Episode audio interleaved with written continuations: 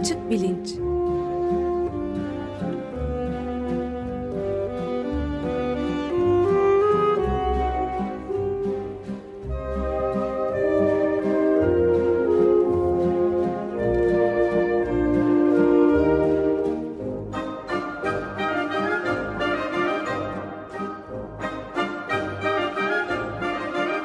Güven Güzeldere ile bilim ve felsefe sohbetleri. Günaydın Güven Bey, hoş geldiniz. Günaydın. Hoş geldiniz. Teşekkür ederim, hoş bulduk. Canlı yayındayız gene. Siz yeni yılın arayı kullanıyorsunuz. Evet. Evet devam edersek bu epeydir de üzerinde konuştuğumuz bu sohbetlerde din ve etik felsefe daha doğrusu ahlak meselelerini konuştuğumuzda bir de bu konuları da e, derinlemesine ele almaya çalışan primatlar üzerinde çalışan Franz de Waal'in Bonobo ve Ateist diye Türkçe'ye de çevrilmiş olan kitabı Metis'ten yayınlanmış. Onun üzerinden devam ettirelim sohbeti demiştik. Tamam. E, bence çok hoş bir kitap. 2013'te çıkmış. Metis'te hemen aslında aynı sene içinde çevirip yayınlamış. E, kendilerine teşekkür etmek lazım aslında. Evet, bence çok biçen çevirisiyle. E, iyi takip ediyor Metis e, olan biteni. E, dünyada olan biteni.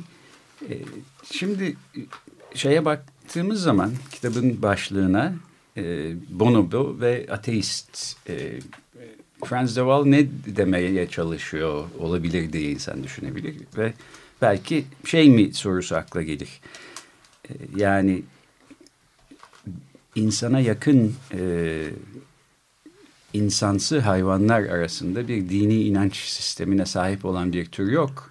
E, işte bonobolar da insana bilişsel olarak belki en yakın olanlar ama bir dini inançları yok. E, dolayısıyla buradan yola çıkarak bir şekilde ateizmi mi savunuyor acaba Deval diye düşündüm. Bu tabii çok e, düz bir argüman olurdu ve e, Deval'ın da daha incelikli e, düşünüş tarzına aslında ters gelen bir şey olurdu. Nitekim öyle bir şey de demiyor. Bir ateizm e, savunması da aslında bu kitapta bence yok. Kendisi bir ateist olduğu halde. Daha ziyade e, dini inançla ahlakın arasındaki ilişkiyi anlamaya çalışıyor ve e, aşağıdan yukarı doğru gelen ahlak diye öyle mi çevrilmiş Metis'te acaba bu bottom up morality? Evet sanıyorum öyle.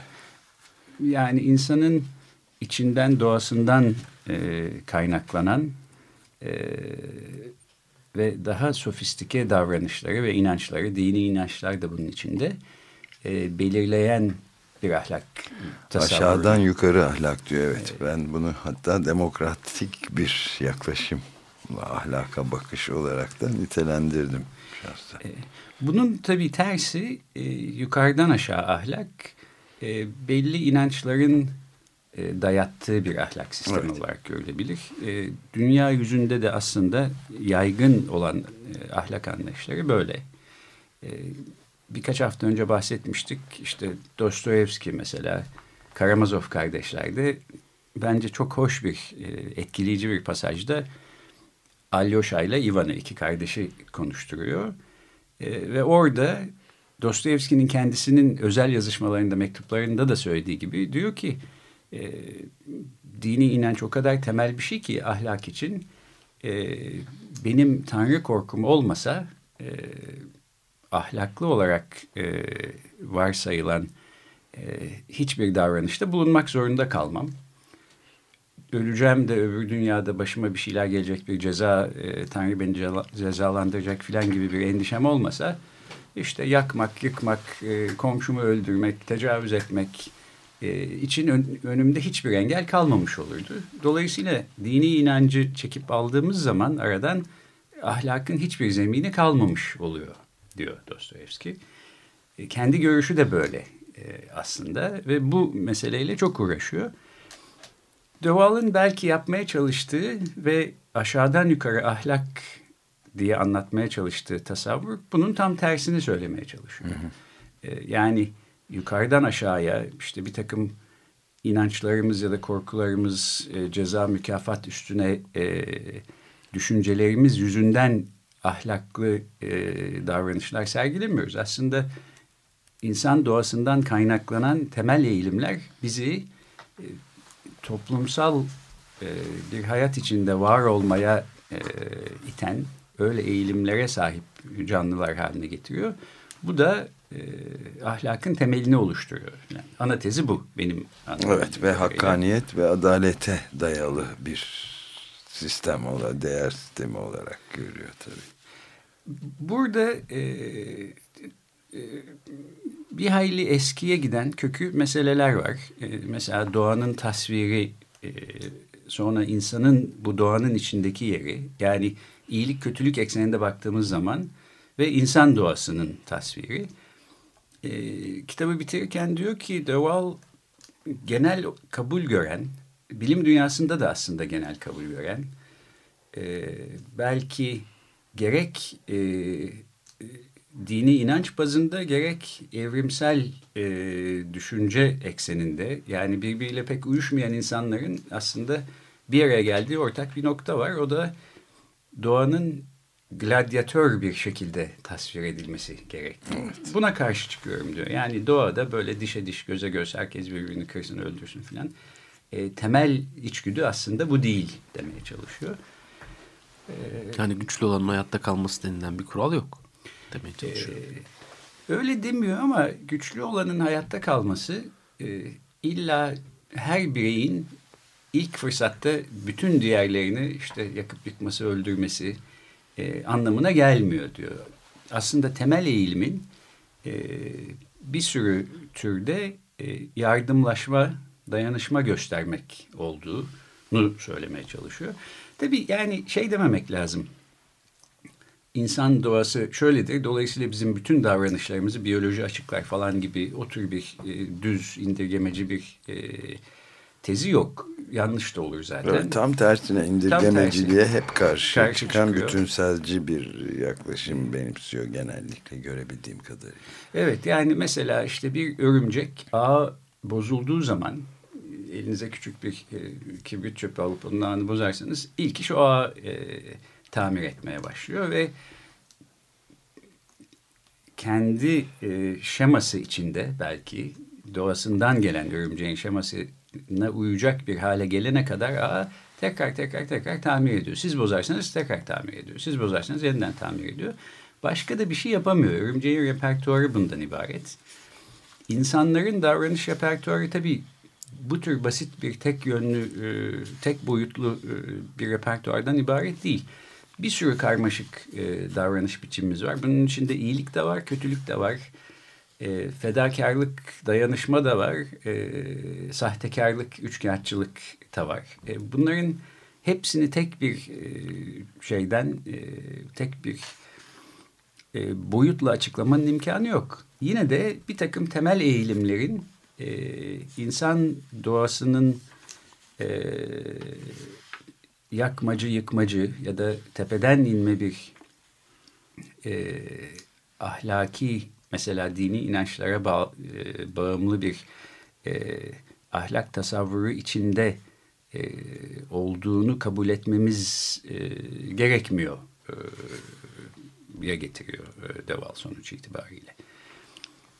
Evet ve biyolojik bir e, temele de e, dayandırmanın mümkün olduğunu söylüyor. Yani iyilik yapmak işte bu 2Y kuralı diye de vermiş mesela bir yerde yanılmıyorsam e, yani yardım etmek ve yaraları sarmak, yaraları gidermek, onarmak gibi davranışlar aslında e, iyilik yapmanın iyi geldiğini, sıcak ışıma diye tabir edilmiş bir e, araştırmalardan çıkan bir sonuç var. Yani e, resus şebekleriyle mesela sürekli olarak işte e, aşk ve sevgi hormonu diye bilinen oksitoksin salgısı da böyle bebe, yeni doğmuş bebeklere kimin bebeği olursa olsun bakmak, onları tımar etmek bir çeşit transa geçerek böyle çok e, özgeciliğin yani e,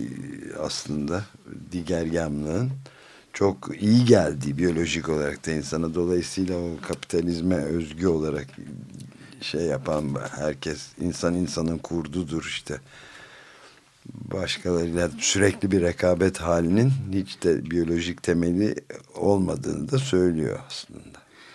Evet bence bu da önemli çünkü özellikle neoliberal e, kapitalizmi savunan insanlar bunu e, herhangi bir kapitalizmi herhangi bir konvansiyonel sistem ya da tarih içinde şu aşamada e, güçlenmiş ama e, tarihin başka zamanlarında belki yok olacak bir sistem gibi görmek yerine insan doğasından kaynaklanan ve zorunlu olarak e, bizim birlikte ya da içinde yaşamamız gereken bir sistemmiş gibi e, öne sürüyorlar. E, ben hiçbir zaman böyle olduğuna inanmadım. Bir anlamda e, Deval'ın e, anlatmaya çalıştığı şey de e, böyle bir şeye inanmak zorunda. İnsanın insanın kurdu olduğu temelinden hareket evet. etmek zorunda olmadığımız. E, şimdi bir de şunu söyleyeyim. Deval aslında bu kitabıyla birçok yerden ateş altında e, kalmış durumda. Yani hem tepeden inmeci ahlak sistemlerini savunan insanlara karşı bir savunma e, yapması gerekiyor kitapta. Ama kendi mensubu olduğu e, evrimsel biyolojiye inanan bilim insanlarına karşı da bir savunma pozisyonunda ve aslında çoğunlukta değil azınlıkta bu konuda. E, bir alıntı yapmış belki onu okuyabiliriz. E, önemli bir Amerikalı biyolog Michael Gisel'in e, her ne kadar kendisi çok basit denizde yaşayan canlılarla uğraşıyorsa da Michael Gisel'in insan doğası hakkında şeyler söylemekten de çekinmiyor. Ve Franz de belki ana tezinin tam tersini söylüyor. De Waal'ın tezini anlamak için de tam tersini belki duymak faydalı olabilir. Deniz salyangozu üzerinde yaptığı çalışmaları var. Evet ya okuyayım isterseniz o tam Buyurun, o lütfen. alıntıyı. Duygusallığı bir kenara bırakınca diyor Gizli'nin.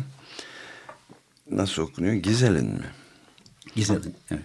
E, topluma bakışımızı düzeltecek hakiki bir cömertlik örneğiyle karşılaşmadığımızı görürüz.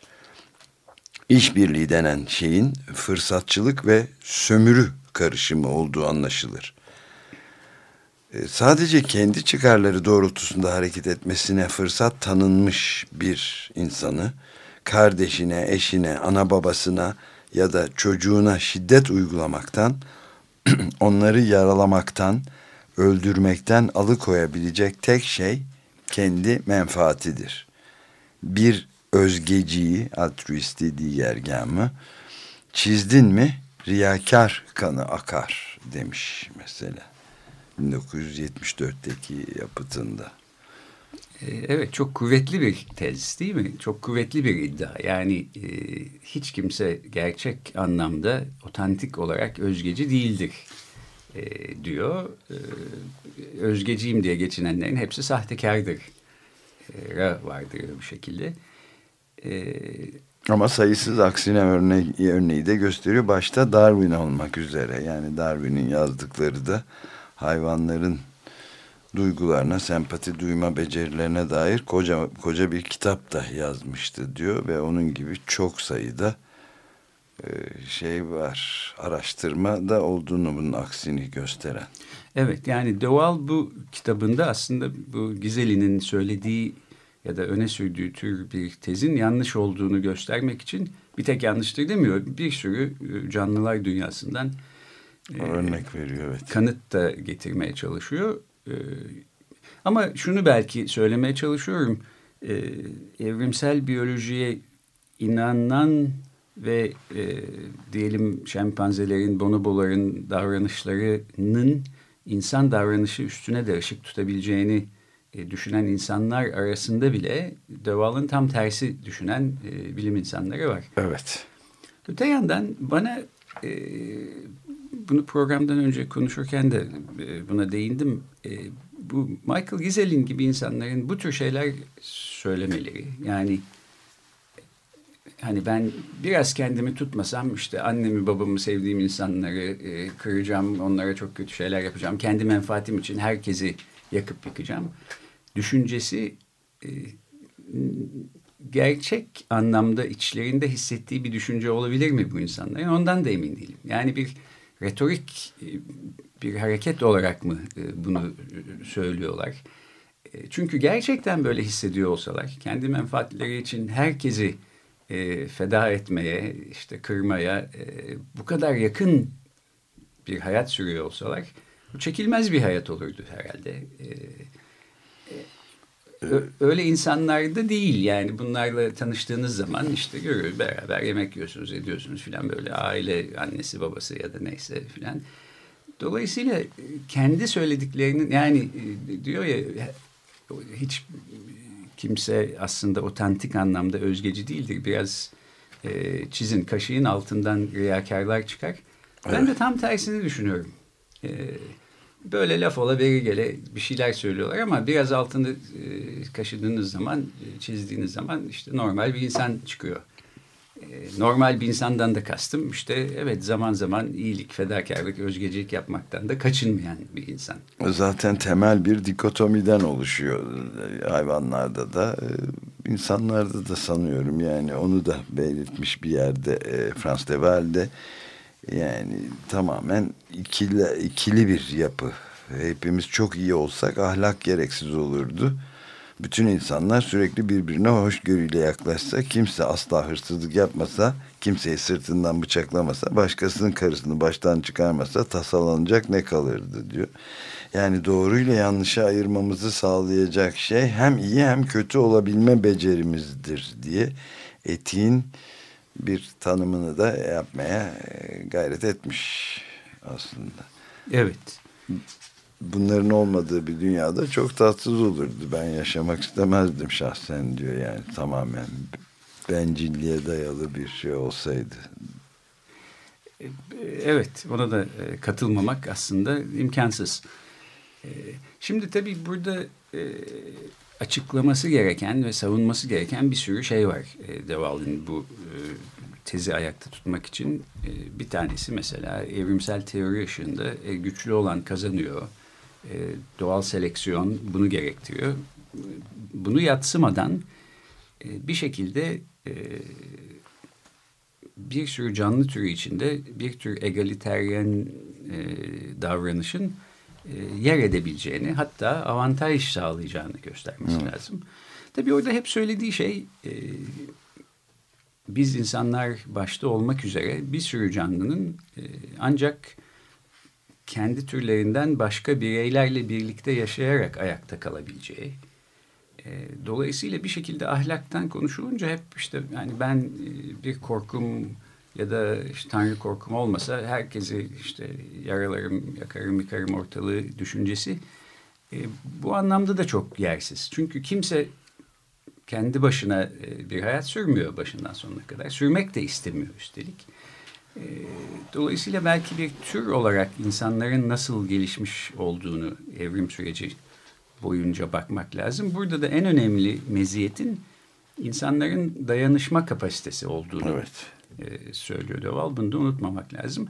Bir de belki şey diyor yani bu e, bu tür e, bir dayanışma ve yardımlaşma kapasitesi e, bir sürü canlıda var. E, ama e, değişik seviyelerde bir sofistikasyon e, gözlemek mümkün. E, mesela insanlara özgü olan başka hiçbir canlıda olmayan bir e, yardımlaşma, dayanışma türü kendi cinsinin ya da kendi yakın çevresinin ya da kendi ailesinin e, bireylerinin dışındaki bireylere de bu yardımlaşma, dayanışma e, his ve düşüncesinin uzatılabilmesi.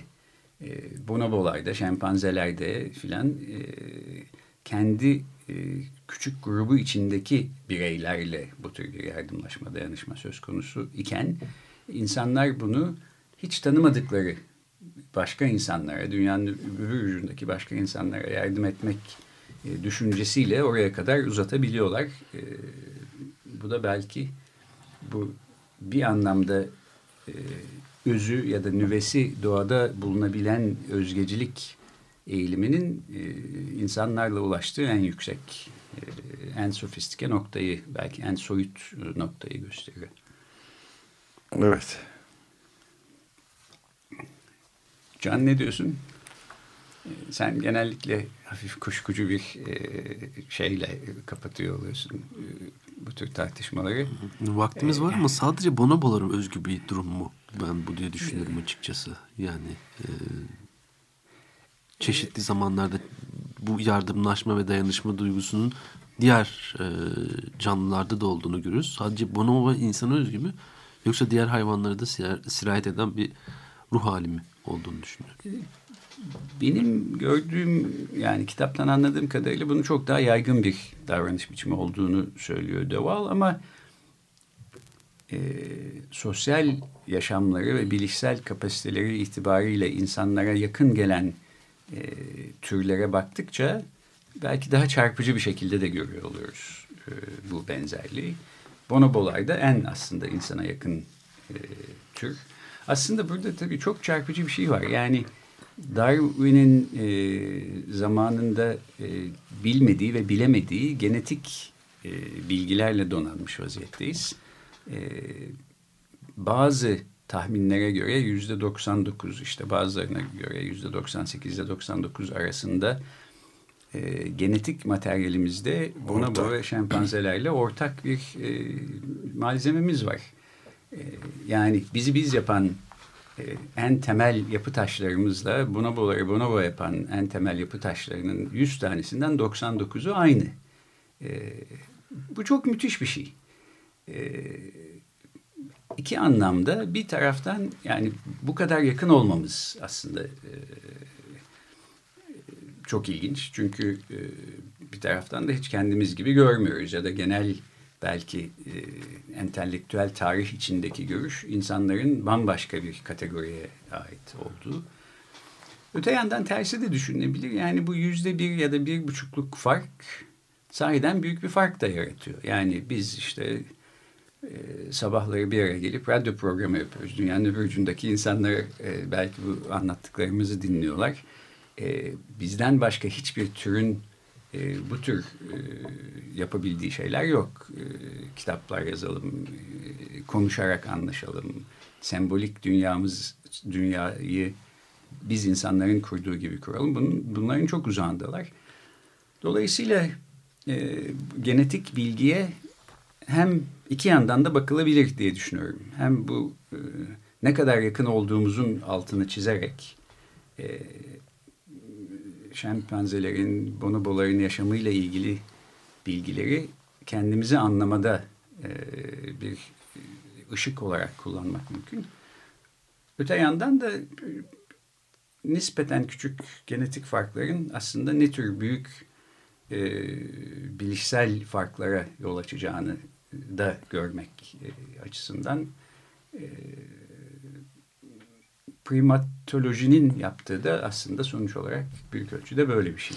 Evet bana burada pardon, en e, önemli görünen noktalardan biri de küçük ama önemli yani e, bütün farklara rağmen e, bu görülen işte biraz önce örneklerini verdiğiniz farklara rağmen çok temelde ortak bir takım değerlerin olması primatlarla e, özellikle de e, ahlak diyebileceğim temelli şeyler bunlar yani mutlaka yardım etmek ve kendisinden fedakarlık yapabilmek dayanışma duyguları içinde olmak e, yar, yaralamama ilkesi başkalarını kasıtlı olarak ve yaralanmış olanlara da yardıma koşmak gibi çok temel şeyleri paylaşıyor olmak. Bunlar farklardan daha önemli geliyor bana aradaki benzerlikler bu temel nokta. Evet özellikle ahlak konusunu düşüneceksek evet. e, bence de bu çok önemli. Bir de belki şunu ekleyebiliriz. Bu Michael Gisel'in falan gibi insanlar özgeciliğin olmadığını aslında bunun bir riyakarlık olduğunu düşünenler e, ama bir sürü özgeci davranış e, şey gözlemlemek mümkün. Bunu nasıl açıklayacaksınız dediklerinde onlar hep işte insanlar kendilerini mecbur hissettiklerinden öyle yapıyorlar. Ama kendimizi kendi doğal akışımıza bıraksak işte yakıp yıkmaya başlayacağız filan diyorlar.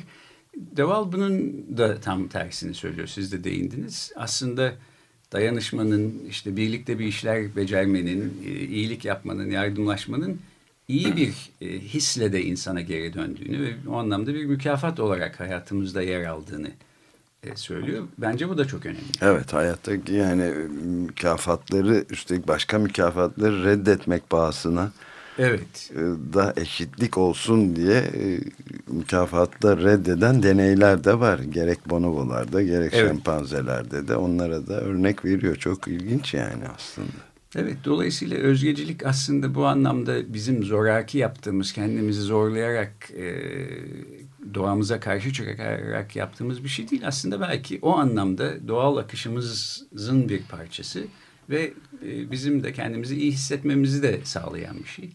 Nitekim bence başkalarıyla ortak e, dayanışma, yardımlaşma içeren işler yapmış olan herkesin e, bunu söyleyebileceği de çok açık e, aslında. Evet, kendini iyi hissetme e, meselesi. meselesi. Ayna nöronlarını belki Gizel'in bilmiyordu bunları yazdığı sırada. Ortaya ee, çıktı. Doğru, Daha... henüz e, ortaya çıktı. Gerçi Çık. yani bugün de aynı görüşü sürdürüyor olabilir. Bu evet. özgecilik, riyakarlıktır. Tezini savunan insanlar bunu o kadar e, böyle bir şeyle... E, o kadar güçlü bir şekilde savunuyorlar ki e, herhalde kendi hayatlarıyla ilgili başka bir problemleri var diye ben genellikle düşünüyorum. Evet, peki burada da e, bitiriyoruz.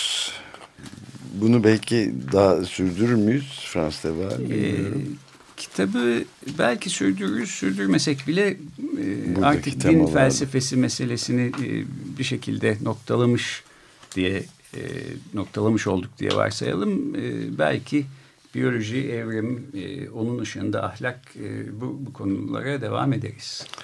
Evet, çok teşekkür ederiz.